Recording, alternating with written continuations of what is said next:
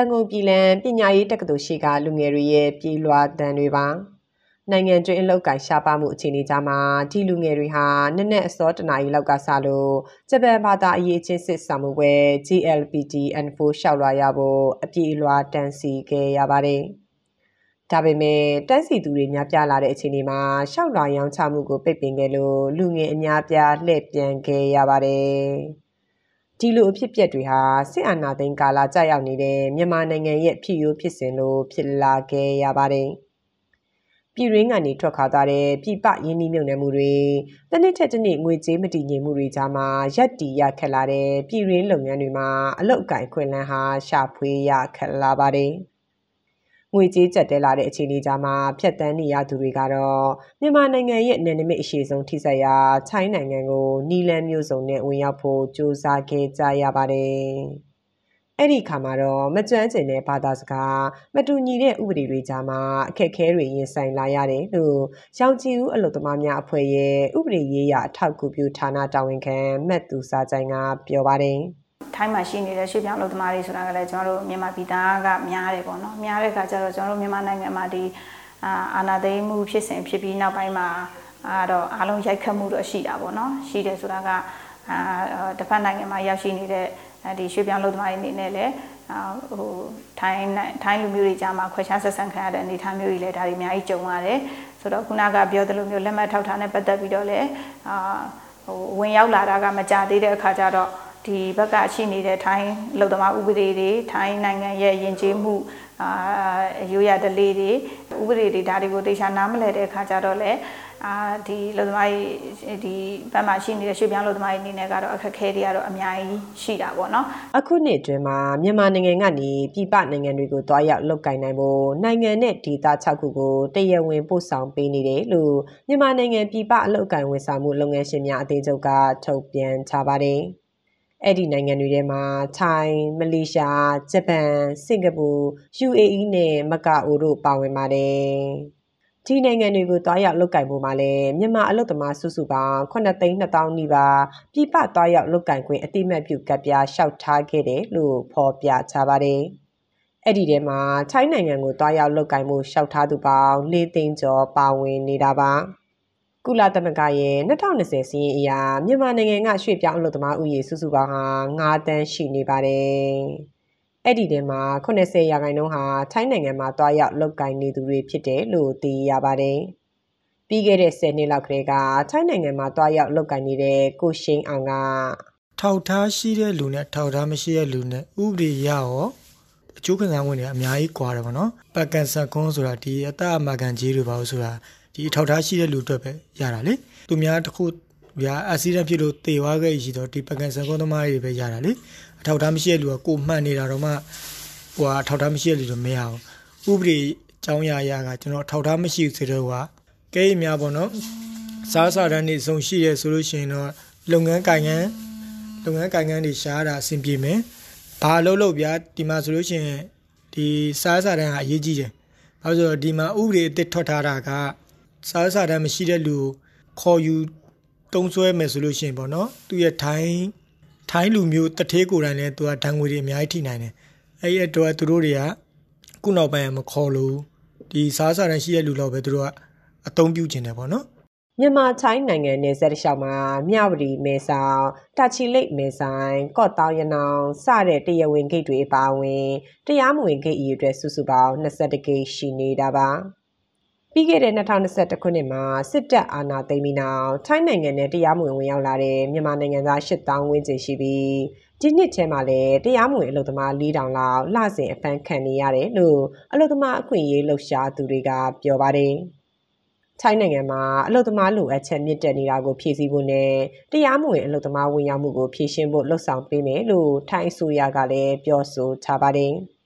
စည်ရင်းတွေအရဆိုရင်ထိုင်းနိုင်ငံရဲ့စီးပွားရေးလုပ်ငန်းတွေပြန်လည်ပတ်နိုင်ဖို့အတွက်ရွှေ့ပြောင်းအလုပ်သမား3တန်းလိုအပ်နေတယ်လို့ဆိုပါတယ်။လက်ရှိဩဂတ်စ်လ၁ရက်ကစပြီးတရဝင်အတိမတ်ပြုအလုပ်သမားလက်မှတ်ပန်းရောင်ကတ်ကိုလှုပ်ဆောင်ပေးဖို့ထိုင်းအာဏာပိုင်တွေကထုတ်ပြန်ထားပါတယ်။ထိုင်းနိုင်ငံမှာတရဝင်အလုပ်လုပ်ကင်ခွင့်ရဖို့ပန်းရောင်ကတ်လျှောက်ထားဆောင်ဆိုင်နေတဲ့ကိုစီဟန်ကလည်း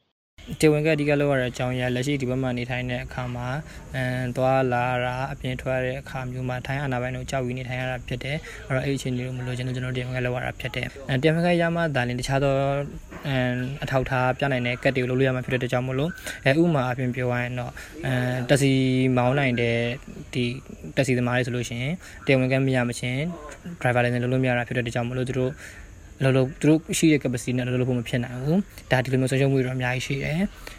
ဒီဘက်မှာ Orin ကမြန်မာလူသမားနဲ့ထိုင်းလူသမားနဲ့ဆိုပြီးသူတို့မှာခွဲခြားပြီးသားရှိပြီးသားအဲ့တော့ကျွန်တော်တို့အနေနဲ့ကတော့ထိုင်းနိုင်ငံအနေနဲ့တော့ဒိုင်းလူခွင့်လူသမားဒိုင်းလူခွင့်ရဖို့ဆိုတော့မဖြစ်နိုင်ဘူး စစ်အာဏာသိမ်းပြီးနောက်ပိုင်းအပြည်ပြည်ဆိုင်ရာအလုပ်သမားအဖွဲ့ချုပ် ILO ထုတ်ပြန်ချက်အရမြန်မာနိုင်ငံမှာလူဦးရေ1.6တန်းအလုပ်လက်မဲ့ဖြစ်နေခဲ့ပြီးလူဦးရေတဝက်ကျော်ဟာလည်းငတ်မွတ်တဲ့ဘေးအန္တရာယ်တွေနဲ့ကြုံတွေ့နေရတယ်လို့ဆိုပါတယ်။ဒီလိုအခြေအနေတွေကြောင့်အိမ်နီးချင်းနိုင်ငံဖြစ်တဲ့ထိုင်းနိုင်ငံကိုတရားမဝင်လာရောက်အလုပ်လုပ်ကိုင်နှုန်းဟာလည်းစံချိန်တင်မြင့်တက်ခဲ့တာပါ။ ထိုင်းဆိုရကမြန်မာနိုင်ငံကအလုပ်သမားတွေကို MOU စနစ်နဲ့ခေါ်ယူပေမဲ့လည်းစောင့်ဆိုင်းရတဲ့အချိန်ကာလကြာတဲ့အတွက်တရားမဝင်နီလန်းနဲ့ထိုင်းနိုင်ငံအတွင်းဝင်ရောက်လှုပ်လှုပ်ကိုင်းနေသူများလာတယ်လို့အလုပ်သမားအခွင့်အရေးလှုပ်ရှားသူကိုမင်းဦးကဆိုပါတယ်ဗမာပြည်အချမ်းမှာကအဲ့ဒီလက်ရှိအနေထားကြောင့်ဒီမှာ passport လောက်တာနေစပြီးတော့အာ agency မှာဟိုနာမည်စင်းဝင်အားလုံးအစင်းနဲ့ပတ်ဖို့ဖြစ်တဲ့အထိကအချိန်အကြာကြီးပေးရ အဲ့တော့ အဲ့ဒီလို ကြံ့ကြာနေတဲ့အချိန်ကြောင့် အခုဆိုလို့ရှိရင် ကျွန်တော်ထင်တယ် ဒီစပြီးတော့ MOU တွေ ဝင်လာတဲ့ အများစုဝင်တာကတော့ မဲဆောက်ပေါ့နော် ဒုတိယအများဆုံးကတော့ ရနောင်း ကော့တောင်းကနေ ဝင်တာပဲ ဒါပေမဲ့အဲ့ဒါကလည်း သူတို့ သတ်မှတ်ထားတာက ခုနကလို ကျွန်တော်တို့ မြန်မာပြည်ကဆိုလို့ရှိရင်2သိန်းလောက် လိုတယ်ဆိုတဲ့ဥစ္စာက အခုတကယ်တကယ် ဒီဘက်မှာ ရတာကအဲ3000ဝန်းကျင်ပဲ ရှိသေးတယ် အခုလက်ရှိ တိုင်းပြည်မှာလည်းလောက်ကင်စားတော့လို့ နေထိုင်လို့မှ မရတာဟုတ်အဲ့တော့ ဖြစ်ချင်ဖြစ်ဆိုရလာတော့ဒီဒီလူတွေက ရှင်းပြောရင် ဒီဘက်မှာ ခုနကပြောတဲ့ ထပ်ပြီးတော့ ပွဲသားတွေရဲ့ဟိုဘယ်လိုခေါ်မလဲအတုံးချတဲ့ဟာကို ခံရတာပေါ့နော်ဟိုတောင်းတလို့ပေးရတဲ့ သဘောဖြစ်ဒီကြားမှာလူမောင်ခိုသဘောမျိုးနဲ့ ဝင်လာတဲ့လူတွေ ဖြစ်တဲ့အတွက်ကြောင့်မလို့ လူကုန်ကူးမှုခံရဖို့က အများကြီးနှိစက်တယ်လို့ ပြောလို့ရတယ်။ရင်တော့ဒီဘက်ကလည်း အလုပ်သမားလိုနေတာပဲ။ကျွန်တော်တို့ဗမာပြည်မှာလည်း အလုပ်သမားပုံနေတယ် သွားနေတာ။ဒီနှစ်ခုကကျွန်တော်လိုအပ်ချက်လိုအပ်ချက်နှစ်ခုစလုံးက တကယ်တကယ်ဆိုလို့ချင်းအဆင်ပြေနေရမယ့်ဟာကြီးပဲ။ ဒါပေမဲ့ အဲ့ဒါကို အခုလိုမျိုးပေါ့ဗျာ။စီမံခံခွဲတဲ့အပိုင်းတွေ ပြီးတော့ဟိုပေါ့ကြံ့ကြံအောင်လုပ်ထားတဲ့အဲ့ စနစ်တွေကို မဖြုတ်နိုင်ရင်တော့ဟိုနှစ်ဖက်အတွက်ကတော့ အကျိုးက လိုချင်တဲ့အကျိုးရလဒ်ကို ရမှာမဟုတ်သလို ကြားတဲ့ဒီရွှေပြောင်းအလုပ်သမားတွေအနေနဲ့ကတော့ဟိုနှိမ့်နာနေမှာပဲ အခုနှစ်မေလကစပြီးထိုင်းနိုင်ငံမှာတရားဝင်အလုပ်လုပ်ကိုင်မှုစစ်ကောင်စီအလုပ်သမားဝန်ကြီးဌာနကနေနှစ်နိုင်ငံအစိုးရသဘောတူညီချက်နဲ့မြောက်ရီမဲဆောက်တတာအပြင်ကော့တောင်းရနောင်းကနေပါလှုပ်သားရချီစေလွတ်ခဲ့တာပါလက်ရှိထိုင်းနိုင်ငံကိုဝင်ရောက်လာသူတွေထဲမှာရန်ကုန်၊ပဲခူး၊မကွေး၊နေပြည်တော်၊မန္တလေးနဲ့ရခိုင်ပြည်နယ်ကဒေသခံအများစုရှိပြီးထိုင်းကနေတဆင်မလေးရှားအထိသွားမဲ့သူတွေပါပါဝင်နေကြပါတယ်။ ထိုင်းနိုင်ငံနဲ့ရောက်ရှိလာတဲ့အချိန်မှာလည်းတရဝင်အလုတ်ဝင်ကတ်မရှိတဲ့အတွက်အလုတ်သမားအခွင့်အရေးဆုံးရှုံးမှုတွေရှိနေတယ်လို့မက်သူစာချိုင်ကပြောပါတယ်။ကျွန်တော်တို့ဒီရွှေပြောင်းလုပ်သမားတွေအနေနဲ့ကတတိထားရမှာကစပြီးတော့လှုပ်ဆောင်ဒီလက်မှတ်ထောက်ထားတွေလှုပ်ဆောင်တော့မယ်ဆိုရင်အဲလက်မှတ်ရဲ့ကုန်ကြစည်ရိတ်တရားဝင်ကုန်ကြစည်စီဘယ်လောက်ရှိလဲပြီးရင်လက်မှတ်လုပ်ငန်းစဉ် process ဘာတွေလုပ်ရမလဲပေါ့နော်ဥပမာသွေးစစ်တာလားကျမကြီးအမခံဝယ်တာလားအဲဒါမျိုးတွေပေါ့ကျမတို့ဝတ်ပါမေရှောက်တာလားဆိုတော့ဒါမျိုးတွေအစင်းစင်တွေကိုလည်း ကိုယ်တိုင်ကနားလည်သိကြံထားဖို့လိုတယ်ပေါ့နော်ဆိုတော့အာလှုပ်ရှင်တွေကလှုပ်ပေးတာတော့မှန်တယ်ဒါပေမဲ့ကျွန်တော်တို့ရွှေပြောင်းလုပ်သမားတွေနေရလဲဒီ process တွေကိုနားလည်ထားမှဒါအာလုပ်ငန်းရှင်တွေတောင်းတလောက်အာဒီပွဲစားတွေကတောင်းကျင်နေတဲ့အဲတောင်းတလောက်ပေါ့နော်အဲဟိုတတိထားမိမယ်ပေါ့ဆိုတော့ဟိုကိုပိုင်ကတော့တော်လို့ဖို့တော့ခတ်တယ်ဒါပေမဲ့လည်း အဲဒီကုန်ကြစိတ်တွေတရားဝင်စည်းနဲ့တရားမဝင်စည်းနဲ့ကိုကျွန်တော်တို့ချိန်ဆပြီးတော့ဒါတွေကိုလည်းအရင်ဆုံးလေ့လာထားဖို့လိုတယ်ပေါ့နော်နောက်တစ်ခုကတော့ကျွန်တော်တို့တော်လို့စောင်းတော့မယ်ဆိုလို့ရှိရင်လည်းအာဒီတရားဝင် agent တွေကိုချိန်နိုင်ဖို့တော့လိုတယ်ပေါ့နော်ဟိုတရားဝင် agent တွေနဲ့ဆိုတော့တော့ပို့ပြီးတော့စိတ်ချရတယ်ပေါ့ကျွန်တော်တို့နှုတ်ဆိုရှင်တော့ဟို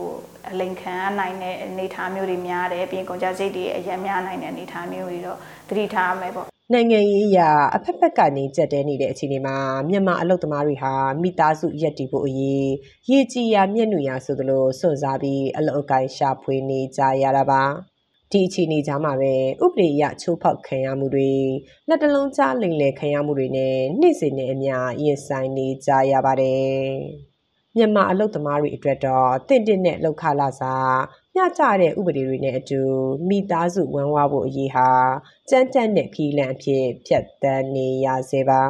ဒီသတင်းဆောင်မကိုတန်လင်းခက်ကပေးပို့ထားတာဖြစ်ပါတယ်